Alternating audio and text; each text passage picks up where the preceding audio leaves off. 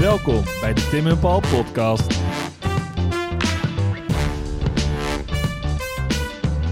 Naar aanleiding van onze vorige uitzending zijn we op het spoor gekomen van Johan de Jong. Zijn vader is omgekomen op 7 mei tijdens een schietpartij bij het Victoria Hotel.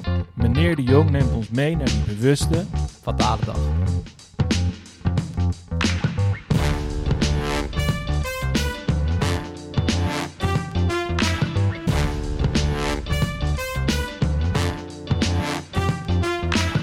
Vind het heel gezellig dat jij weer tegenover me zit. Ja, Eh, maar het is sneller dan verwacht. sneller dan verwacht. Normaal zien we elkaar niet zo heel veel. Zeker niet in deze tijden. Maar eh, we hebben een hele goede reden, denk ik, om weer bij elkaar eh, te zitten.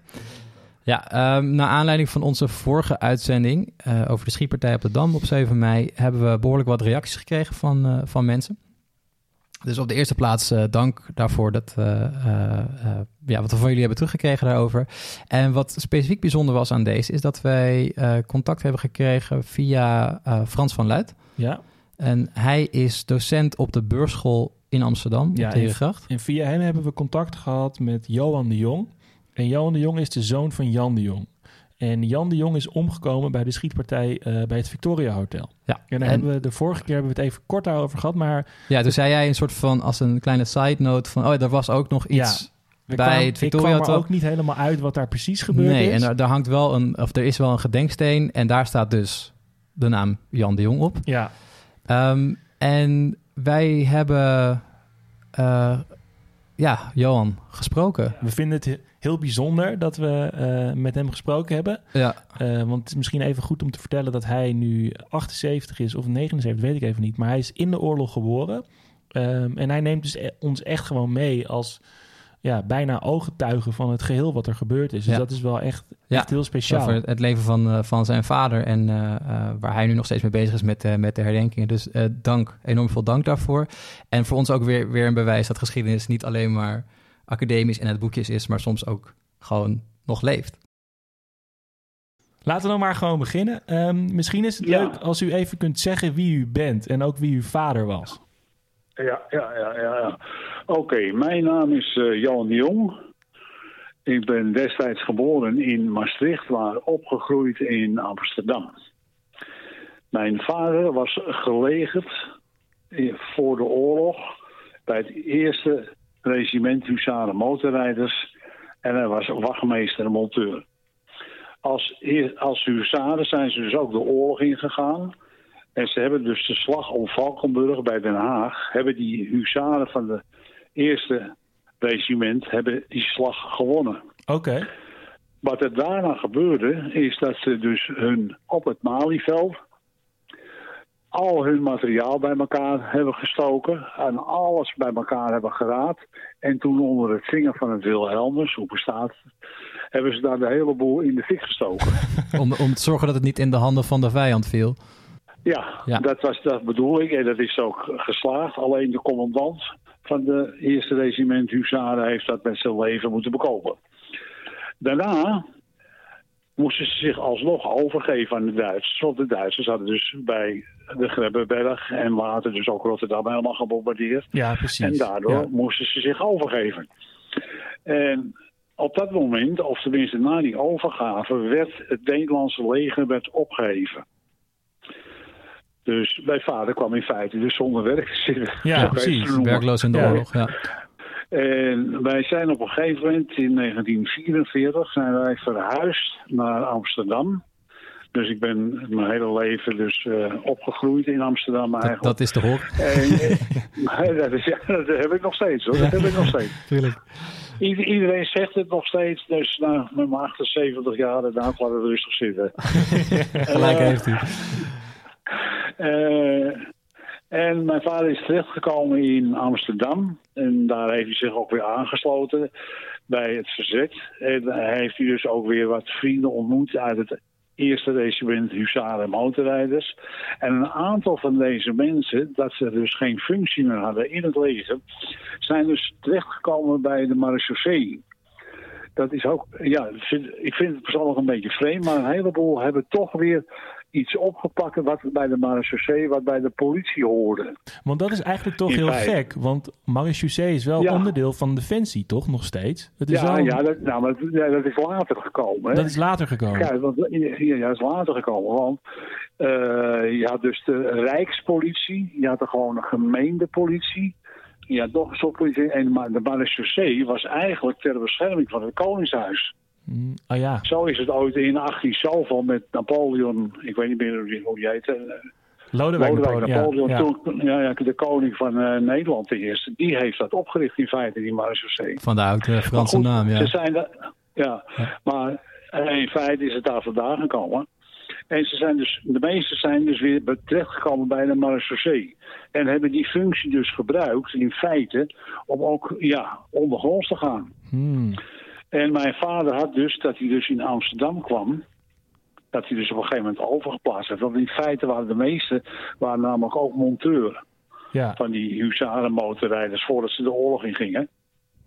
En een aantal van die wachtmeesters hadden zich verzameld onder mijn vader. In 1944 was dat. En die zijn dus in Amsterdam zijn ze in een garage terechtgekomen. En daar hadden ze eigenlijk zo'n beetje hun eigen bedoelingen. Ze repareerden de, eh, de, motoren, ze repareerden de auto's, ze deden van alles. En ze bereden dus nog steeds, ja, ze waren gewoon eigenlijk garagemedewerkers. Maar ze waren dus in feite nog zo'n beetje hun functie. En ze zijn op een gegeven ogenblik, zijn ze dus terechtgekomen bij de binnenlandse strijdkrachten. Ja. En die binnenlandse strijdkrachten die werden in Amsterdam dat was de, een of andere functie 66, even kijken hoor. Geweest 10 uh, eh, is dat gewoon de binnenlandse strijdkrachten geweest die dus helemaal nergens erkend werden. Ja. Niet door de, door de Duitsers, uiteraard, want ja, ja, alles wat leger was hadden ze opgegeven. Maar goed, ze waren dus daar in, zo'n beetje in dienst, deden dat en ze deden allerlei ondergrondse werkzaamheden. Ja. En daar waren ze gewoon mee bezig. En daar hadden ze dus uh, bij, bij ze doken onder. En dan waren ze weer zoek. En waren... Maar het was zo in die garage waar ze werkten. Niemand wist van de ander wat hij deed.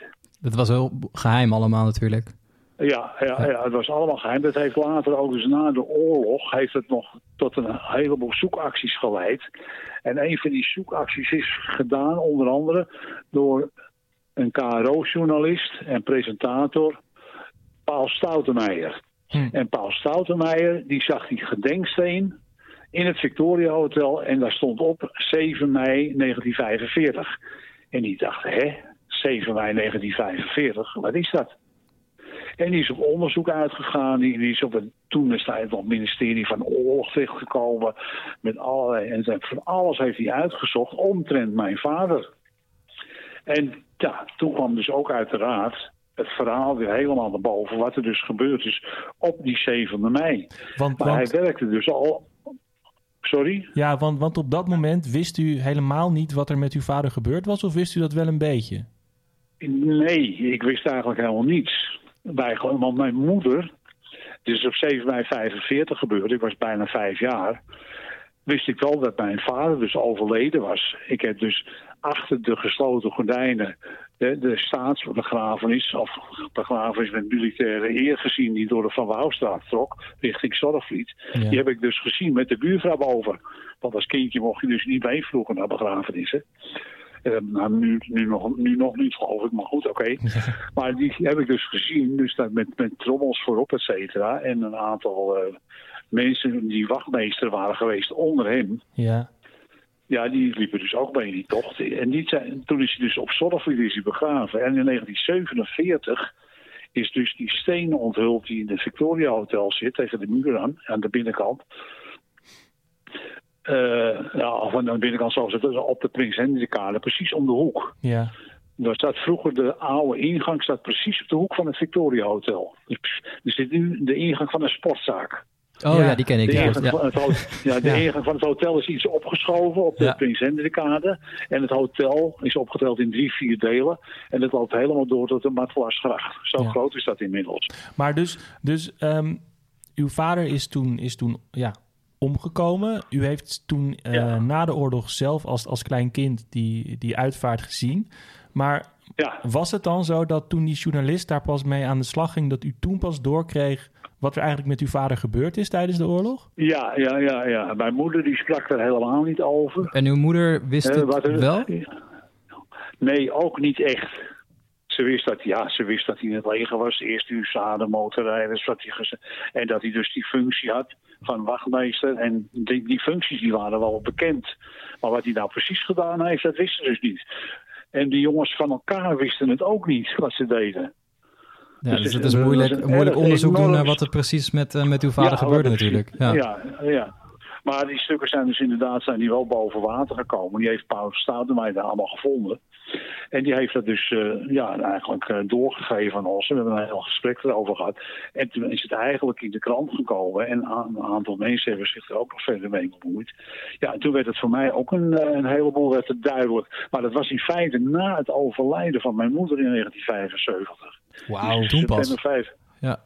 Ja, in september 75 is, is ze overleden, 62 jaar oud. En ja, toen kwam dat hele, hele, hele eigenlijk helemaal boven water eigenlijk alles. Want, Wat eigenlijk allemaal gebeurd was en, en hoe het gekomen is. En wat er precies gebeurd is, ook op die 7 mei. Ja, maar Ja, laten we het daar precies. dan over gaan hebben. Ja. Ehm, eh, kunt u ons meenemen naar eh, eh, die dag? Wat er met uw vader... Die dag? eh, ja, wat, wat uw vader daar gedaan heeft en wat er gebeurd is. Nou, hij was dus bij de BS met die, met die wachtmeesters allemaal. Daar waren ze dus bij ingedeeld op een gegeven ogenblik aan het eind van 1944. En dus hebben al die onder, onderzoeken hebben ze dus gedaan dat, daarop. En die, al die, van al die mensen die daarbij betrokken zijn geweest, is dat dus allemaal zo'n beetje boven water gekomen. En op 7 mei 1945, dus twee dagen na de bevrijding, was er dus op de Dam eigenlijk. Men, nou, de Amsterdammers verwachten eigenlijk, laat ik het zo zeggen, die verwachten eigenlijk dat die Canadezen of de Engelsen, dat die dus naar Amsterdam zouden komen. ja, dan was op de Dam een groot feest, inderdaad. Ja, eh, maar die Duitsers, die waren dus niet ontwapend. En dus de Duitse marine zat in de grote club. De grote club was toen nog gevestigd op de hoek van de Kalverstraat en de Dam. Waar nu dus, een, dacht ik, een filiaal van de Rabobank zit of heeft gezeten.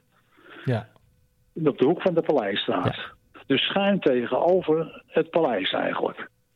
Daar zat dus een hele eh, batterij van de marine. Duitse marine zaten daar, ja. Die, ja, Gewapend ja, nog. Die, ja, gewapend nog. Want die lieten zich alleen maar ontwapenen door of de Engelsen of de Amerikanen. En niet de door de binnenlandse strijdkrachten. Binnenlandse strijdkrachten. Ja, pff, wat is dat? Ja. Zo wordt er Ja. gereageerd. Ja, Ja. Het Nederlandse leger bestond niet meer. Nee. Wie was de baas daarvan? Ja, ene meneer Prins Bernhard. Ja, nou en. Eh, Dus ze zaten gewoon te wachten eigenlijk. Dat ze dus eigenlijk teruggetransporteerd konden worden naar Duitsland. Maar dat waren we in Noord-Holland en omgeving. Want dat was nog bezet eigenlijk. Het hele westelijke gedeelte van Nederland. Ja, ze hadden gewoon nog 120.000 militaire Duitsers. ja, Als je het allemaal bij elkaar optelt. Dat is een behoorlijke Dus club, ja. ja, ja, her en der te wachten en te doen. ja. Nou, die mensen waren een beetje aan het feestvieren, aan het doen, et cetera. Er was een klein draaiorgeltje, eh, stond er op de dam, et cetera. Maar ja, op een gegeven moment was het dus zo dat de binnenlandse, of tenminste de BS eigenlijk, de binnenlandse strijdkrachten, mochten wel op straat verschijnen, maar moesten eigenlijk ongewapend zijn. En daar hebben ze zich niet aan gehouden. Ze zijn dus bewapend, zijn ze de straat op gegaan. Ze waren eigenlijk ingehuurd om ja, alles in goede banen te leiden. Dat het allemaal ja, netjes zou verlopen, et cetera. Mensen mochten wel feest vieren, alles erop en eraan. Maar voor de rest geen gekkigheid. ja, als een soort van controle bijna. Ja, ja. controle eigenlijk. Ja, eigenlijk ja, zoals stadswachten, maar dan met andere Dat dingen. een boa. Ja? Ja, een soort boa's, ja. Maar ik, ja, ik heb hier een dingetje voor me liggen. Dat, dat is uit 1965. En dat schreef iemand in de krant. Provocatie op de Dam. Als elf jongetje stond ik 7 mei 1945 helemaal vooraan op de Dam. Toen de Kriegsmarine vanaf het dak van de grote club begon te schieten. Hij begint dus op het dak, maar het was ook op het balkon naar voren. Uit ei- eigen waarneming weet ik dat deze ramp werd veroorzaakt door provo- provocatief optreden van een aantal leden van de Binnenlandse strijdkrachten. Ik begrijp niet waarom het Riot en aanverwante oorlogsautoriteiten zo omzichtig om de hete brei heen draaien. Dat schreef iemand dus in 1965, schreef in de krant. Het is begonnen, dat wordt dus nu beweerd eigenlijk, dat staat nergens al een beetje op papier, dat dus eigenlijk uh, iemand van de BS eigenlijk aan de achterkant van het paleis, dus bij aanhouding van een Duitse militair of twee Duitse militairen, dus gevraagd heeft, uh, of gevraagd, bevolen heeft, jullie moeten je nu ontwapenen. En dat, dat en het is geweigerd. En dat mocht niet. Ze gaven hun wapens niet af. Want ze nee. er gewoon mee staan. Ja. Ze gaven het niet af. En, nou, en toen is die Duitser is dus vlak voor dat grote, het is nu dat grote winkelcentrum heet het. ja, Magna Plaza nu, ja. Magna Plaza.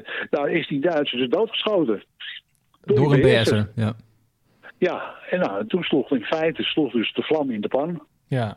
Buiten nog het feit dat er op de Dam natuurlijk ook een beetje rare onregelmatigheden waren. Want ja, we kennen allemaal die verhalen van ja, de, de verkering van de Duitsers met de Nederlandse. Ja, Beltjesdag inderdaad, vrouwen. toch? Ja. ja, zoiets vond er ook plaats. Ja. Dus maar ja, alles bij elkaar. En die jongens hadden redelijk gedronken daar, die mariniers. Die hadden toch weinig te doen. Ja, dus ja, dan ga je maar. ja, ja, ja dan, dan, dan, krijg je dat soort grappen natuurlijk. Hè. Alles wordt kwaad, alles wordt... En het vreemde van het hele verhaal is dat mijn vader en zijn commandant, overal, die waren al op de Dam. Die waren al bij die feesten ook aanwezig? Ja, want die hadden... De, er waren op een gegeven moment hadden zich gemeld bij hun op kantoor daar twee Engelse journalisten. En die zochten eigenlijk naar het kantoor van het Algemeen Nederlands Persbureau, het ANP. Maar dat was gevestigd achter, wat nu het monument is, op de Dam. Oh ja. Dus in feite in het stuk verlengde van de Warmoestraat eigenlijk. Ja. Dus die keken uit op de Dam, zo tegen het paleis. Daar zat de ANP. En mijn vader en zijn commandant, die zei nou, ik moet toch die kant uit. Ga maar mee. Want ik moet, want, ja.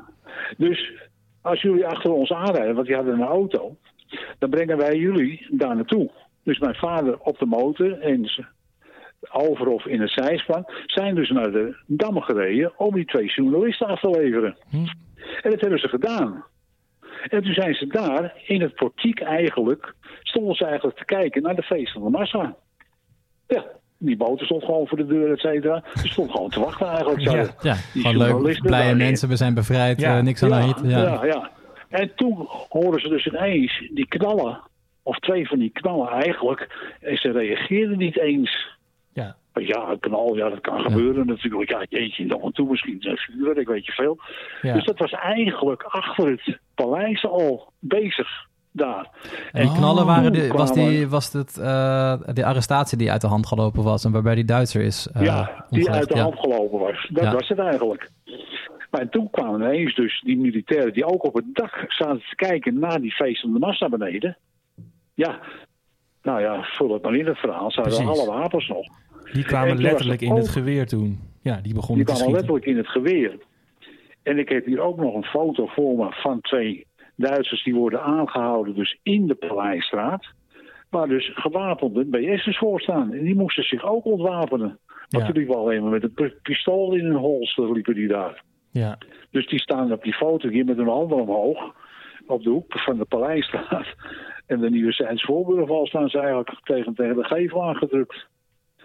En er staan dus vijf, zes, nou, hoe zijn het er eigenlijk op die foto? Twee, vier, zes, zeven. Zeven BS'ers terwijl ze staan gewapend van daarvoor. ja, Nou, dat is ook iets waarvan je zegt, hé, hey, wat gebeurt daar nou ja. weer? ja. Ja, maar dus die schietpartij, ja, het is, het is eigenlijk een opvolging van, eigenlijk zoals deze, deze Art Sonneveld dus beweert, provocatie op de Dam, ja, in de Paleisstraat en die schietpartij achter de Dam. ja. En toen sloeg de vlam in de pan in feite. Maar uw vader heeft, En- heeft, heeft een rol gespeeld bij het stoppen, toch? Van, dit hele, van die schietpartij daar op de Dam heeft- al. Maar die, st- die stonden aan de andere kant eigenlijk. Ach, ja, was toen de tijd was dat, de, wat nu dus het monument is, was toen de tijd een groen grasveldje. En er stonden twee van die ge- gebouwtjes van heel vroeger, waar je vroeger de kiosken noemden ze dat. En daar kon je een kleintje kopen en daar kon je de lach krijgen Oh ja. en het parool. eh, allemaal van die, van die weekblaadjes en al dat soort dingen. Er stonden twee van die, van die kiosken stonden daar. Ik kan me ook nog herinneren als jongetje zijn, er stond er ook eentje voor het Victoria Hotel. Oh ja. Dat is ook zo'n verkoop eigenlijk. Ja, je ziet ze nog in Parijs ook die dingen. Speciale dingen waar je je kleintje kan kopen. Maar er waren van die losse huisjes waren dat. En er stonden er ook twee dus vlak voor. En daarvoor stond dus op een gegeven moment met die schietpartij stond dat orgeltje ook. Dat Ja. alle mensen doken daar achter Ja, die gaan natuurlijk en schuilen. achter die, Ja. kin- ja, achter die kinderwagen die er, die er dan nog op, stond, et cetera. En uiteindelijk, mijn vader stond dus daar met zijn met zijn commandant. En die dacht, oeh, wat gebeurt hier allemaal? En die zijn op de motor. Mijn vader reed die motor. Hij sprong in de zijspan.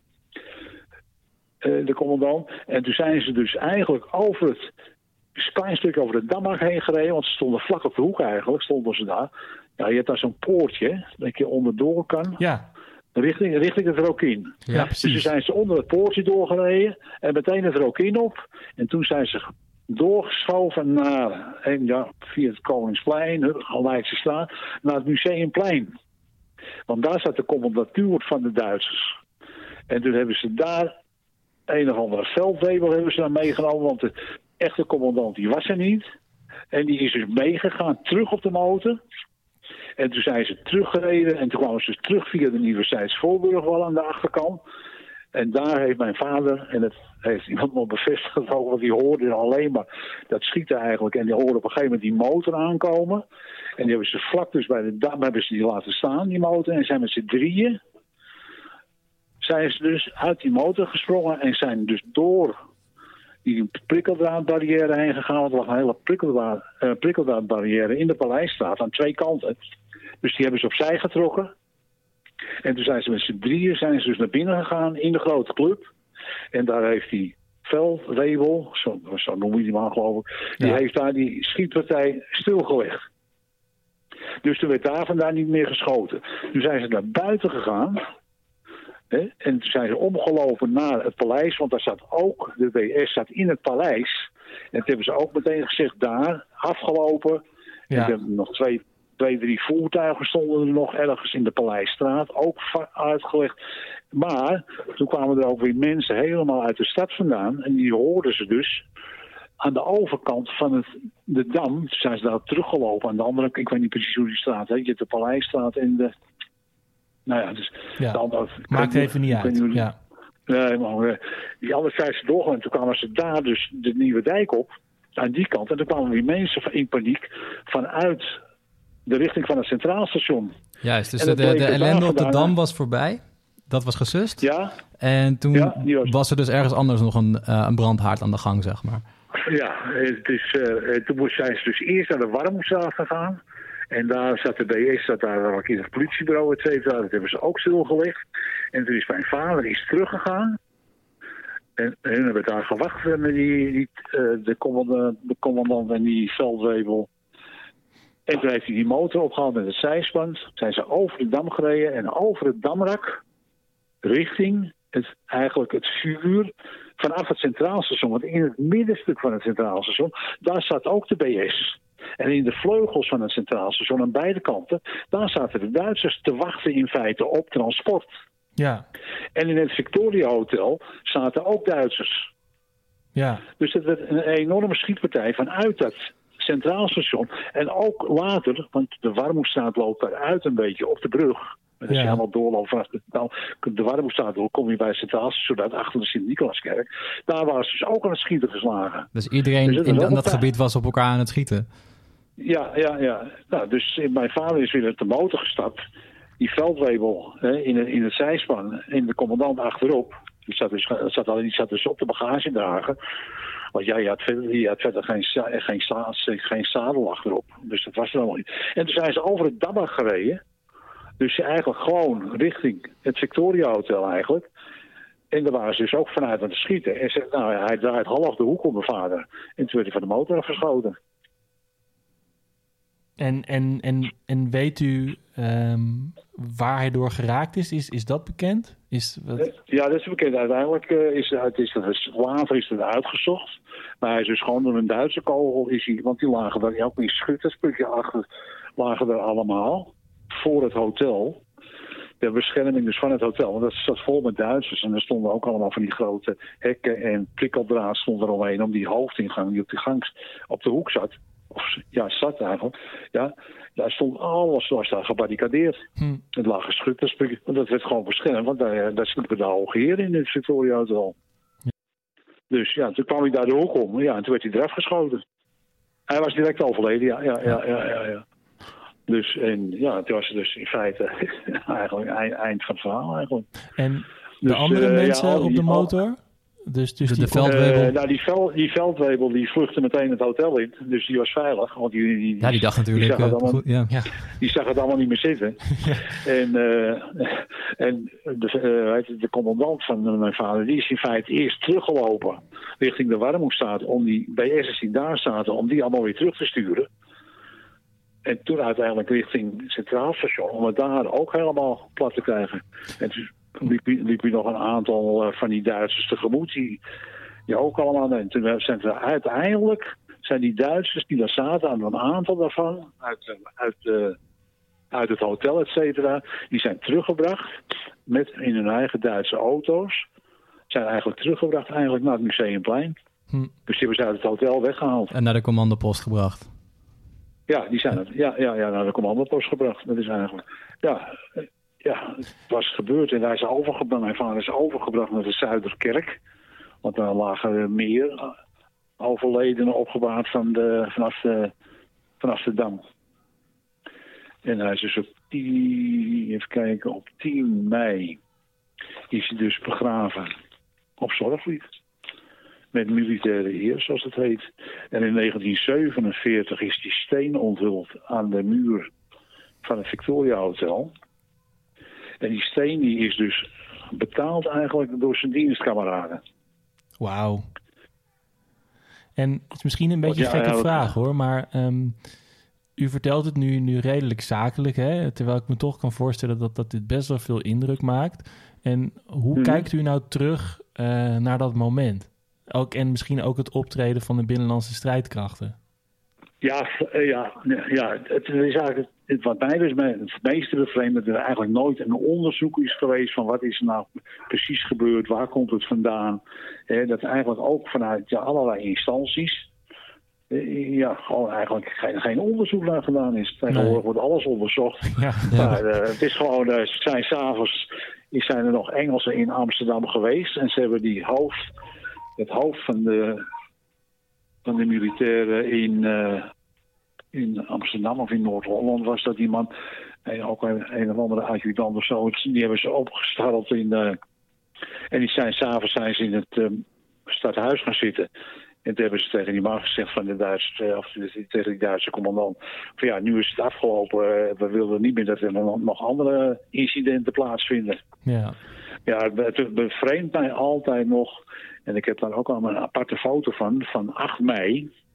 Dat dus die Canadezen dus Amsterdam binnenkomen. En dan ze het, de dam dus op een gegeven moment voorbij. Dan gaan ze een damrak over. En dan zie je dus de hoek. Zo is die foto gemaakt van het Victoria Hotel. En de hele straat is schoon en alles is opgeruimd. Dan denk je, ja, dat is de dag erop. Ja, alsof er niks... Uh, meest, en, alsof er niks gebeurt. is iedereen feestend en, toe, en roepend en doen en zingend op die Canadese auto's. Ja, dan denk je, god, dan lag een dag ervoor lag, met mijn vader dat hoek eraf geschoten. Ja, dat is bizar natuurlijk. Kijk, en dat is, dat, ja, dat is iets wat ik dus uh, moeilijk kan verkroppen. Ja. ja. Dus ja, het was voor ons helemaal geen bevrijding uiteindelijk. Nee. En wat ik er ook een beetje opvallend aan vind, is dat die, um, die schietpartij op de Dam is wel redelijk bekend. Hè? Daar is ook on onlangs een boekje ja. over verschenen. Maar wat ja. er bij het Victoria Hotel gebeurd is, dat weet, toch, weet echt bijna niemand, toch? Terwijl... Nee, nee, nee, nee. nee. Terwijl... is in het, dus mijn vader is hierbij, sorry dat ik je onderbreek, maar mijn ja, vader sorry, is dus hierbij omgekomen bij het Victoria Hotel. Maar in het Centraal Station is ook nog een Nederlandse jongen gesneuveld. Daar zit ook een gedenksteen in de muur. In het Centraal Station, in de hal. Ja. Dus kijk, het zijn, het zijn, het zijn er, ja, dus, er hebben natuurlijk nog meer schietpartijen plaatsgevonden. Maar ja, dit vind ik ook vreemd, want dan zat ik vanmiddag dus op de tv te kijken en ze hebben dat orgeltje, wat dus op de Dam stond, hebben ze helemaal gerestaureerd, heeft zijn oude naam weer teruggekregen. En dan vertelt hij vertelt die uh, knaap van de uh, die nieuwslezer, die vertelt daar dan over. Ja, en dan staat het nu precies 75 jaar, de, de dag van de bevrijding, staat het weer op de Dam. Dan denk ik, ja, zet het aan 7 mei neer. Daar, daar, daar praat je tenminste ergens over. Ja, ja, dat ben ik met ja. u eens hoor. Ja, Ja. Misschien, moet, ja, misschien moeten we daar eens een actie voor Een petitie voor beginnen. voor, eh, ja, ja. petitie voor, voor het, het orgeltje op 7 mei op de Dam. Want ik vind ook eigenlijk, ik vind het ook heel gek, weet je, dat we dan die herdenking in Am of tenminste de bevrijding in Amsterdam zo vieren op 5 mei, allemaal leuke festivals en zo, terwijl er nog twee dagen later dit plaatsvindt. Het is toch ook heel gek. Ja, maar 5, 5 mei is er volgens mij niemand verder op de Dam geweest. Was, ja, die mensen waren wel. Dat vijf, ja, 5 mei was die eigenlijk net die bevrijding was eigenlijk net getekend ergens in. Uh, in Wageningen natuurlijk, Ja. ja. vlak bij de Grebbeberg natuurlijk. Ja, dan Ja. moet het op deze kant uitkomen. En dan moeten ze allemaal nog ontwapend worden, et cetera. Ja, ik snap niet dat ze er bij de BS ook niet een stuk verstandiger zijn geweest. Nee, Nee. Dus nee. hè, dat neem ik in feite de commandant van mijn vader ook nog kwalijk. Want ja, die was, uiteindelijk was hij commandant. Ja. Dus die stond aan de, andere, aan de andere kant van het plein. En die had misschien het wel iets beter in de Ja. gaten moeten houden allemaal. Ja, die had het de, beter in de gaten moeten houden. Maar is Ja, dat dat zijn niet zo ook... allemaal, allemaal, allemaal gedachten die je er net weet. Ja. maar is dat niet ook een beetje in, inherent aan de binnenlandse strijdkrachten? Want mijn beeld ervan is wel dat het ook allemaal oud verzet, of tenminste, het waren verzetsmensen van diverse pluimage. Dat was natuurlijk ook heel divers. Oh ja, ja, ja. ja Toch? Ja. Ja, maar dat heb ik voor mezelf ook wel eens afgevraagd. Ik denk van, hoeveel mensen hebben er nou eigenlijk in het verzet gezeten? Ja, Ja.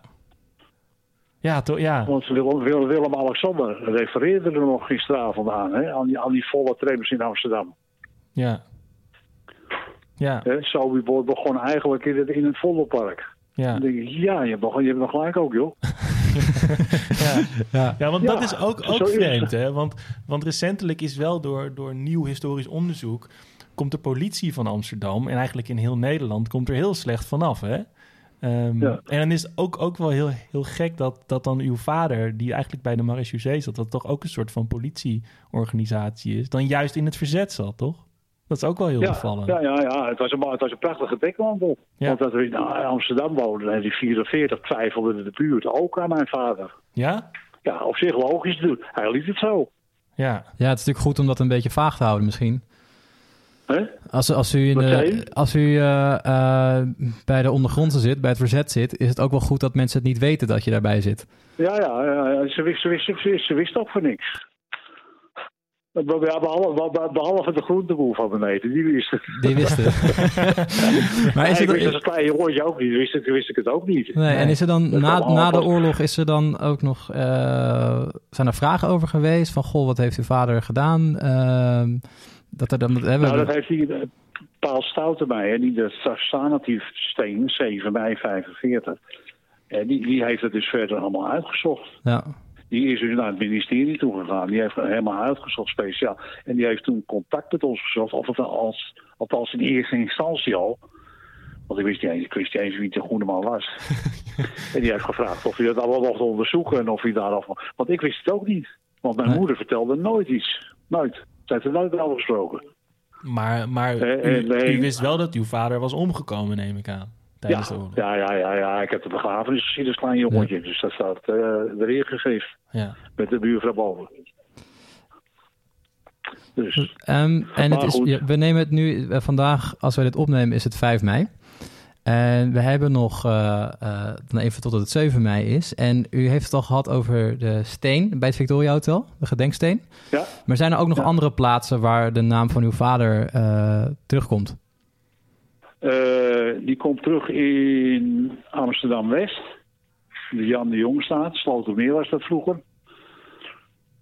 Dus uw- Oké. uw, uw vader heeft eh, zit- een straat naar zichzelf zit vernoemd. Ja. Ja, een straatnaam met een, ja, met een omschrijving erbij. Oké. Opperwachtmeester bij de marechaussee betrokken bij hulp aan onderduikers, illegale voedsel- en wapentransporten door heel Nederland. Stafwacht der BS, gesneuveld op 7 mei 1945 bij het Victoria Hotel in Amsterdam in een vuurgevecht met de Duitse Weermacht. En hij ligt begraven op Zorgvliet. En sinds 1975 ligt mijn moeder ook in hetzelfde graf. En daar ligt dus de helm op Wauw. van mijn vader. Monument op zich, of de steen, is geadopteerd door kinderen van de Burgschool. Ja. De, de, Burgschool, die zit in Amsterdam uiteraard. Zit op de Herengracht, geloof ik. Ja, de Herengracht, ja. Ja, ja, ja. Vroeger noemden ze het de Witte School, maar dat is inmiddels ook allemaal een beetje veranderd. en eh, ik kom daar elk jaar, voor groep 8 inmiddels is dat. Ja, was gewoon de zesde klas. Ja. En dat is al sinds, eigenlijk sinds Pellemug. Ja, ik, Frans Luit had het erover dat ik sinds 1980 daar kwam, bij hun op school. Maar ik zou niet, voor mij doe ik het al langer, hè. Het is, Ik denk dat u gelijk hebt. ja, Ja. ja, het is gewoon als je, ja, Jan, dat is 30 jaar terug. Oh ja, 40 jaar al. Ja, ja, ja, ja, zo lang kom ik over die burgerschool eigenlijk. Maar daar vertelt u dus het verhaal van uw vader, wat er met Ja, hem van, gebeurd van is. de zeven. Met, met, ja, gewoon, het gaat een heel ontspannen. Van, van één vertelde je het verhaal gewoon. Dan had ik wat foto's. Ja. En die kinderen hebben nu dus een hele eh, PowerPoint-presentatie daarvan gemaakt. Oké. Dus eh, ik heb hier dus een, gewoon eigenlijk een fotoboekje erbij. En dat, ja, dat volg ik gewoon. Ja. En af en toe pas ik wat aan en dat geef ik ze. En dan drie minuten later is het allemaal geregeld. En die kinderen zijn zo stil tegenwoordig. Dat gaat hard tegenwoordig. Ja. Ja. Ja. Tegenwoordig zijn het allemaal dubbele klassen. Dus dan moet ik twee keer mijn verhaal houden. En dan wordt het dus georganiseerd. En ik hou dat verhaal dus tegenwoordig weer gewoon op school. Voorheen deed ik dat ook in het Victoria Hotel. Maar het, het werd wel een beetje te groot. Mhm. Te groot allemaal. Dus we moesten het allemaal in tweeën doen. Maar dan vindt er ook altijd nog een herdenking plaats. Bij die steen. Door die kinderen. Door die twee zesde klassers. Ja. Of ach, achtste klassers is het tegenwoordig. Die gaan dan de dag voor de vakantie, voor de meivakantie. Dat is dus, was, zou dus nu 22 april zijn geweest. Eh, dan gaan die kinderen van de burgerschool, die twee groepen 8, die gaan dus met hun onderwijzers, eventueel nog ouders erbij. Die gaan dan naar het Victoria Hotel. Dan lopen ze vanuit de nieuwe grote club, die zit nu aan de andere kant van de dam. Ja. Dus naast het monument daar, boven die eh, goud- en zilverzaken daar zo'n beetje. Dat is gewoon nu te grote. Wandelen ze daar vandaan, wandelen ze dus naar het Victoria Hotel. En dan staat er bij het Victoria Hotel, bij de steen, staat er een erewacht van de Marseille. Kijk. En de kinderen hebben allemaal een bloem bij zich. Ook, oh ja, ze waren ook op school, ik allemaal werkstukken. En er waren ze allemaal gedichten over de Tweede Wereldoorlog. En dan komt mijn vader uiteraard ook in een aantal van die gedichten komt die voor. Want het verhaal kennen ze dus, Ja. die kinderen inmiddels. En die worden dan gelezen bij de steen en op school. En ik krijg daar aan het eind van, van de dag, krijg ik, als, als we uit elkaar gaan, de kinderen en ik, bij de, bij de Victoria Hotel, dan krijg ik daar een boekwerkje van. Dus er staat elk gedicht krijg ik inge... En ik krijg er meestal nog een foto bij, die zit er ook in, dat ik met de, met de, klasse, met de klasse op de foto ga nog een keer. Want ze gaan naar de achtste groep, gaan, met, ja, gaan ze naar de middelbare school, toe ja. natuurlijk. Ja. Dus ze zijn, zijn weg. Dus dat krijg ik als een herinnering, krijg ik dat mee. Ja, mooi. En er staat die eer, er staat nog, ja, ik, ik ben nou een beetje in de war. Maar die erewacht die staat er dan. Dat gaat echt, eh, echt heel officieel gaat dat, met de aantreden en op. Dus ze zijn meestal met, z'n- met z'n drieën of met z'n vieren. Ja. En dan speelt eentje van, eh een van het, eh Van de van van Marechaussee. Marechaussee. Ja. Ja, die speelt aan de laatste post ook nog. Bij de, ja, dat is bij wel de- heel, de heel indrukwekkend dan alles bij elkaar, kan ja, ja, ja, voorstellen. ja, Ehm, mogen, mogen wij u eh, hartelijk, hartelijk bedanken. Voor dit bijzondere gesprek. Nou ja, ik vond het zelf ook wel eh, hartstikke interessant voor mezelf weer eens een keer op te stellen. of zo. Ja. Fijn dat wij ik, heb het, ik, heb het mogen dit jaar dus, ik heb het dit jaar dus niet kunnen doen. Maar goed, eh, dit is mijn verhaal zo'n beetje.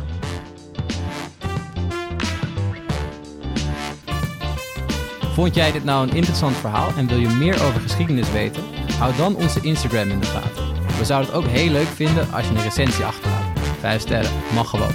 En heb je nou een vet idee waar we het over kunnen hebben? Slide dan in onze DM's. Durf gewoon te vragen. Tot de volgende.